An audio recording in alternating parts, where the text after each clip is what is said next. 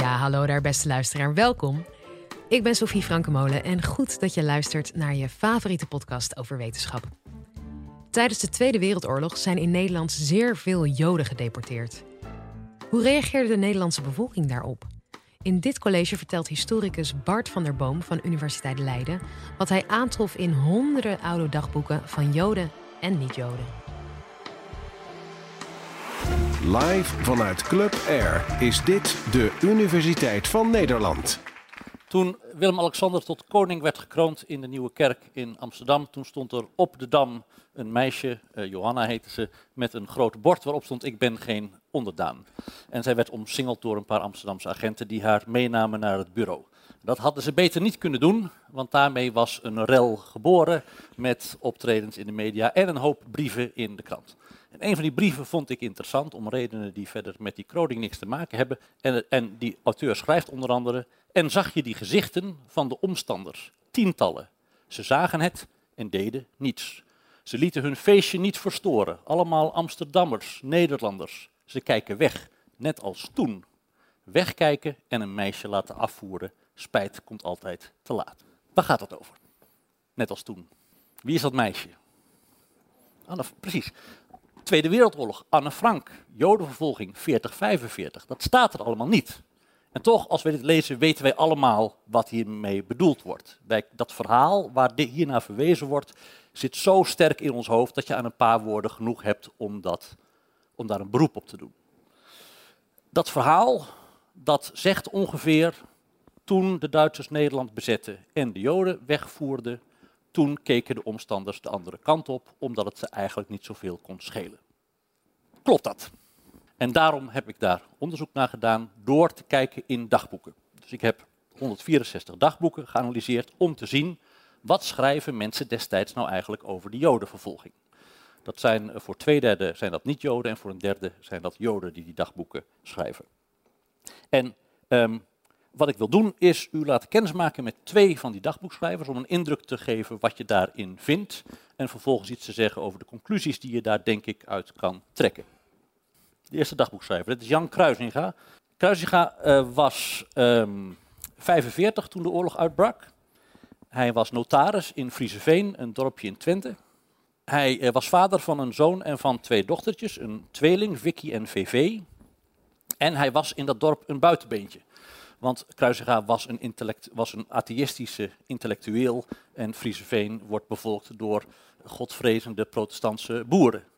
Uh, ik heb mij laten vertellen, hij is een soort, soort cultfiguur daar nog altijd. Ik heb me laten vertellen dat hij eens bij een, bij een veiling van een stuk land een fout in de stukken ontdekte en een flinke vloek liet rollen. En dat toen een van die boeren zei, notaris, u mag niet vloeken. Waarop hij zei, nee, jij mag niet vloeken.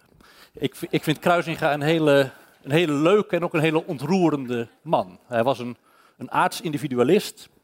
Hij schrijft geregeld in zijn dagboek: De mens is als individu geboren. En hij schrijft dan ook ergens: Als ik ooit een beweging opricht, dan zal de slogan zijn: Kameraden, mijt de massa, sluit u niet aan bij onze Unie.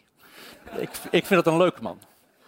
En het is een hele interessante man, want hij schrijft heel veel over de Jodenvervolging. Hij begrijpt heel weinig van die Hij snapt niet dat de Duitsers zich al deze ellende op de hals halen.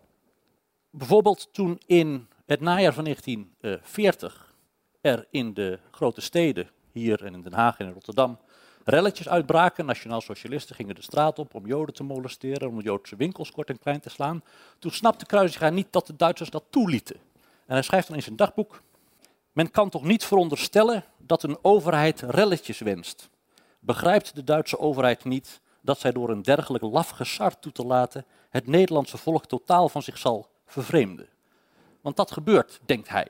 Hij denkt het resultaat hiervan is dat mensen zich afkeren van de bezetter. In, uh, ietsje later, in uh, november 1940, worden uh, Joodse ambtenaren ontslagen. Heel veel van de Joodse ambtenaren zijn werkzaam in het onderwijs en dat geeft dus een schokgolf door de maatschappij, want veel van die Joodse leraren en hoogleraren hebben niet-Joodse leerlingen, die hebben allemaal niet-Joodse ouders. Dus dat, heeft een groot effect in de maatschappij. En Kruisinga ziet dat dat veel kwaad bloed zet. Hij kent een van die docenten, kent die persoonlijk, en hij schrijft erover, toevallig ook een van de geschiktste onderwijzers. Vanmiddag heeft hij afscheid genomen van de kinderen en alle zaten te huilen. Op één na, die zat erbij te lachen.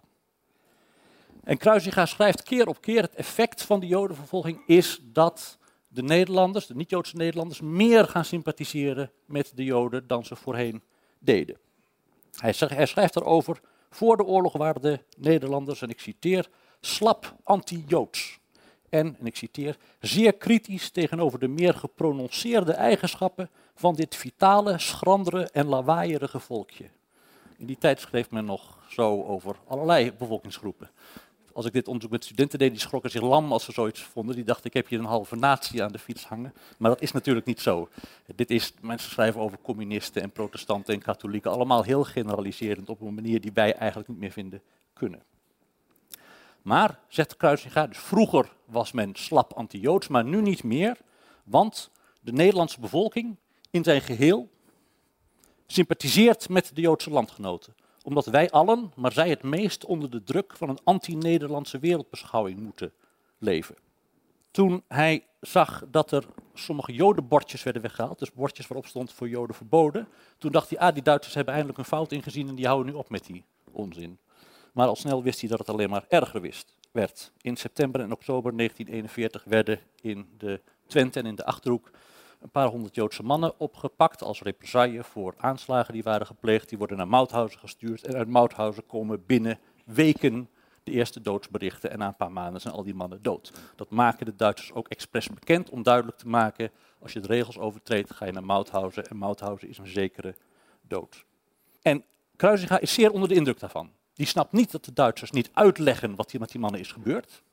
En hij schrijft daarover dat deze zonderlinge sterfgevallen voor mij en vele anderen de obsessie van deze bezetting vormen. Toen begonnen in de zomer van 1942 de deportaties. Eind augustus werden de Joden in Frieseveen, daar woonden een handjevol Joden, worden opgepakt en weggevoerd. En Kruisinga schrijft daarover het volgende. Volgens de mensen was de stemming in de rampzalige Jodengezinnen gisteren onbeschrijfelijk. En niemand heeft dat met droge ogen kunnen aanzien die de hardheid van een toekomstige betere wereld nog niet deelachtig is geworden. U snapt dat hardheid van een toekomstige betere wereld, dat is wrange ironie. Hij overweegt zelfs op dat moment om op te houden met het schrijven van zijn dagboek, dat hij dan dus al 17 jaar bijhoudt. Vanwege schrijft hij de walging die het beschrijven hiervan bij hem oproept. En schrijft hij erbij, en dan zit ik nog in zo'n gat van een plaats als Frieseveen. Aan het eind van het jaar, met kerst, 1942 schrijft hij, en hij zegt dat het zal wel liggen aan de kerststemming, dat veel van de mensen in Frieseveen denken aan hun weggevoerde dorpsgenoten. Het is ook een raar idee dat bijvoorbeeld Ina de Haas, een Joods meisje uit het dorp, dat bijvoorbeeld Ina de Haas, die een paar jaar geleden nog op de verjaardag van jullie lieve meisjes, zijn dochtertjes dus, bij ons kwamen ganzenborden en limonade drinken, nu van schuur tot schuur moet vluchten voor haar leven terwijl haar vader en moeder een maand geleden zijn gearresteerd en nu met onbekende bestemming uit het doorgangslager Westerbork op transport zijn gesteld. Ja, dat is een raar idee. VV en Vicky, vluchtend van het ene donkere zolderkamertje naar het andere, voor een organisatie van grote mensen, met kampen en boeien, honger en koude, vuurpelotons en gedwongen arbeid tot hun beschikking. Heel raar. Ik vind Kruisinga een niet alleen een grappige man, maar ook een ontroerende man, omdat je hier ziet hoe, hoe wanhopig hij is. Kruisiger is een beetje, hij voelt een beetje als onze man in 4045. Een man met een heel modern soort sensibiliteit. En die kijkt naar buiten en die ziet de wereld is gek geworden. Ik vind dat, ik vind dat heel aangrijpend hoe hij daarover schrijft. Um, tot zover Jan Kruisinga. Um, de tweede dagboekschrijver die ik u wil presenteren is Joop Voet. Joop Voet was een Amsterdamse Joodse accountant. Uh, hij was begin 30, hij woonde hier vlakbij op de Nieuwe Keizersgracht. En hij was uh, Zionist, dus hij was voorstander van een Joodse staat in Palestina. En dat is in dit verband van belang, omdat hij het idee had dat hij als Zionist een scherper beeld had, beeld had van antisemitisme dan andere Joden. En antisemitisme bestond in Nederland, schreef hij in zijn dagboek. Hij schreef erover, een gematigd soort jodenhaat natuurlijk, waar men feit, bovendien feitelijk niet goed voor uit durfde komen, want antisemitisme werd onbeschaafd en onbehoorlijk gevonden. En toch, als men het over joden had, legde men vaak iets kleinerends in stem en gebaar, en niet zelden hoorde men het woord rotjood, Niet dat daar iets ergs mee bedoeld werd, dat natuurlijk niet, maar toch rotjood. Maar, zegt hij, dat betekent niet dat Nederlanders de anti-Joodse maatregelen van de Duitsers rechtvaardigden. Integendeel, hij schrijft dan, op het moment dat de Duitsers lieten zien wat hun antisemitisme inhield, toen kende de verontwaardiging geen grenzen. Uit menselijke en nationale overwegingen protesteerde het Nederlandse volk in bijna al zijn geledingen. En hij vertelt daar direct achteraan een verhaal, allemaal in zijn dagboek, dat na de oorlog heel bekend is geworden. Na verluid stond in de stakingsdagen van februari 1941 op een schutting in de Jordaan in krijtletters het volgende. Laat de rotmoffen met hun rotpoten van onze rotjoden afblijven. Als het niet waar is, geeft het toch op kernachtige wijze de houding van vele Nederlanders in bezettingstijd weer. In mei 1940, om precies, 42, om precies te zijn op 3 mei 1942, moest Joop Voet voor het eerst met de Jodenster op de straat op. En hij moest ook met de trein mee. En hij beschrijft in zijn dagboek wat er toen gebeurde. De eerste dag dat het dragen verplicht was, een zondag, ging ik met de trein naar Ede. In een coupé werd mijn borstversiering door ieder bekeken. Eén reiziger maakte de opmerking: Nu weten wij tenminste dat wij onder goede Nederlanders zijn. Een ander, rijd, een ander raadde mij aan het ding goed te bewaren. Dragen zal wel spoedig niet meer nodig zijn, maar het was een mooie herinnering aan deze nare tijd. Toen ik in Ede het station verliet en op de fiets stapte, riep iemand die ik nog nooit tevoren had gezien mij luidkeels over de hele breedte van de weg toe: Hou moed, hou moed. Tot zover Joop Voet.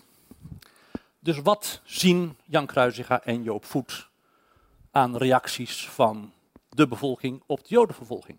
Zij zien geen onverschilligheid, zij zien medeleven. En dat is helemaal niet vanzelfsprekend. Joop Voet verwacht helemaal niet zoveel van het vreedzaam samenleven van Joden en niet-Joden. Daarom is hij Zionist. Joop Voet had heel goed kunnen schrijven, de niet-Joden vinden het best. Maar dat doet hij niet, hij schrijft het tegendeel. Jan Kruisinga had best kunnen schrijven, ik vind dit vreselijk, maar de Friese Veners zal het worst wezen. Hij schrijft heel vaak over de Friese Veners als een soort groep mensen die er heel andere gedachten op nahoudt dan hij zelf. Maar dat doet hij niet, hij schrijft een tegendeel.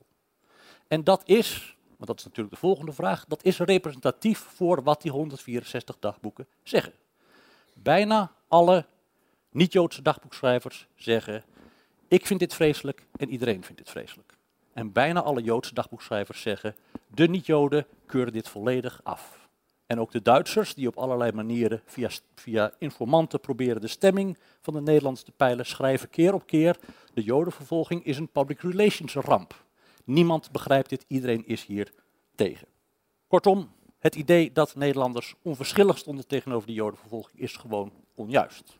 Hoe je die verontwaardiging dan kunt rijmen met het antisemitisme wat tegelijkertijd bestaat.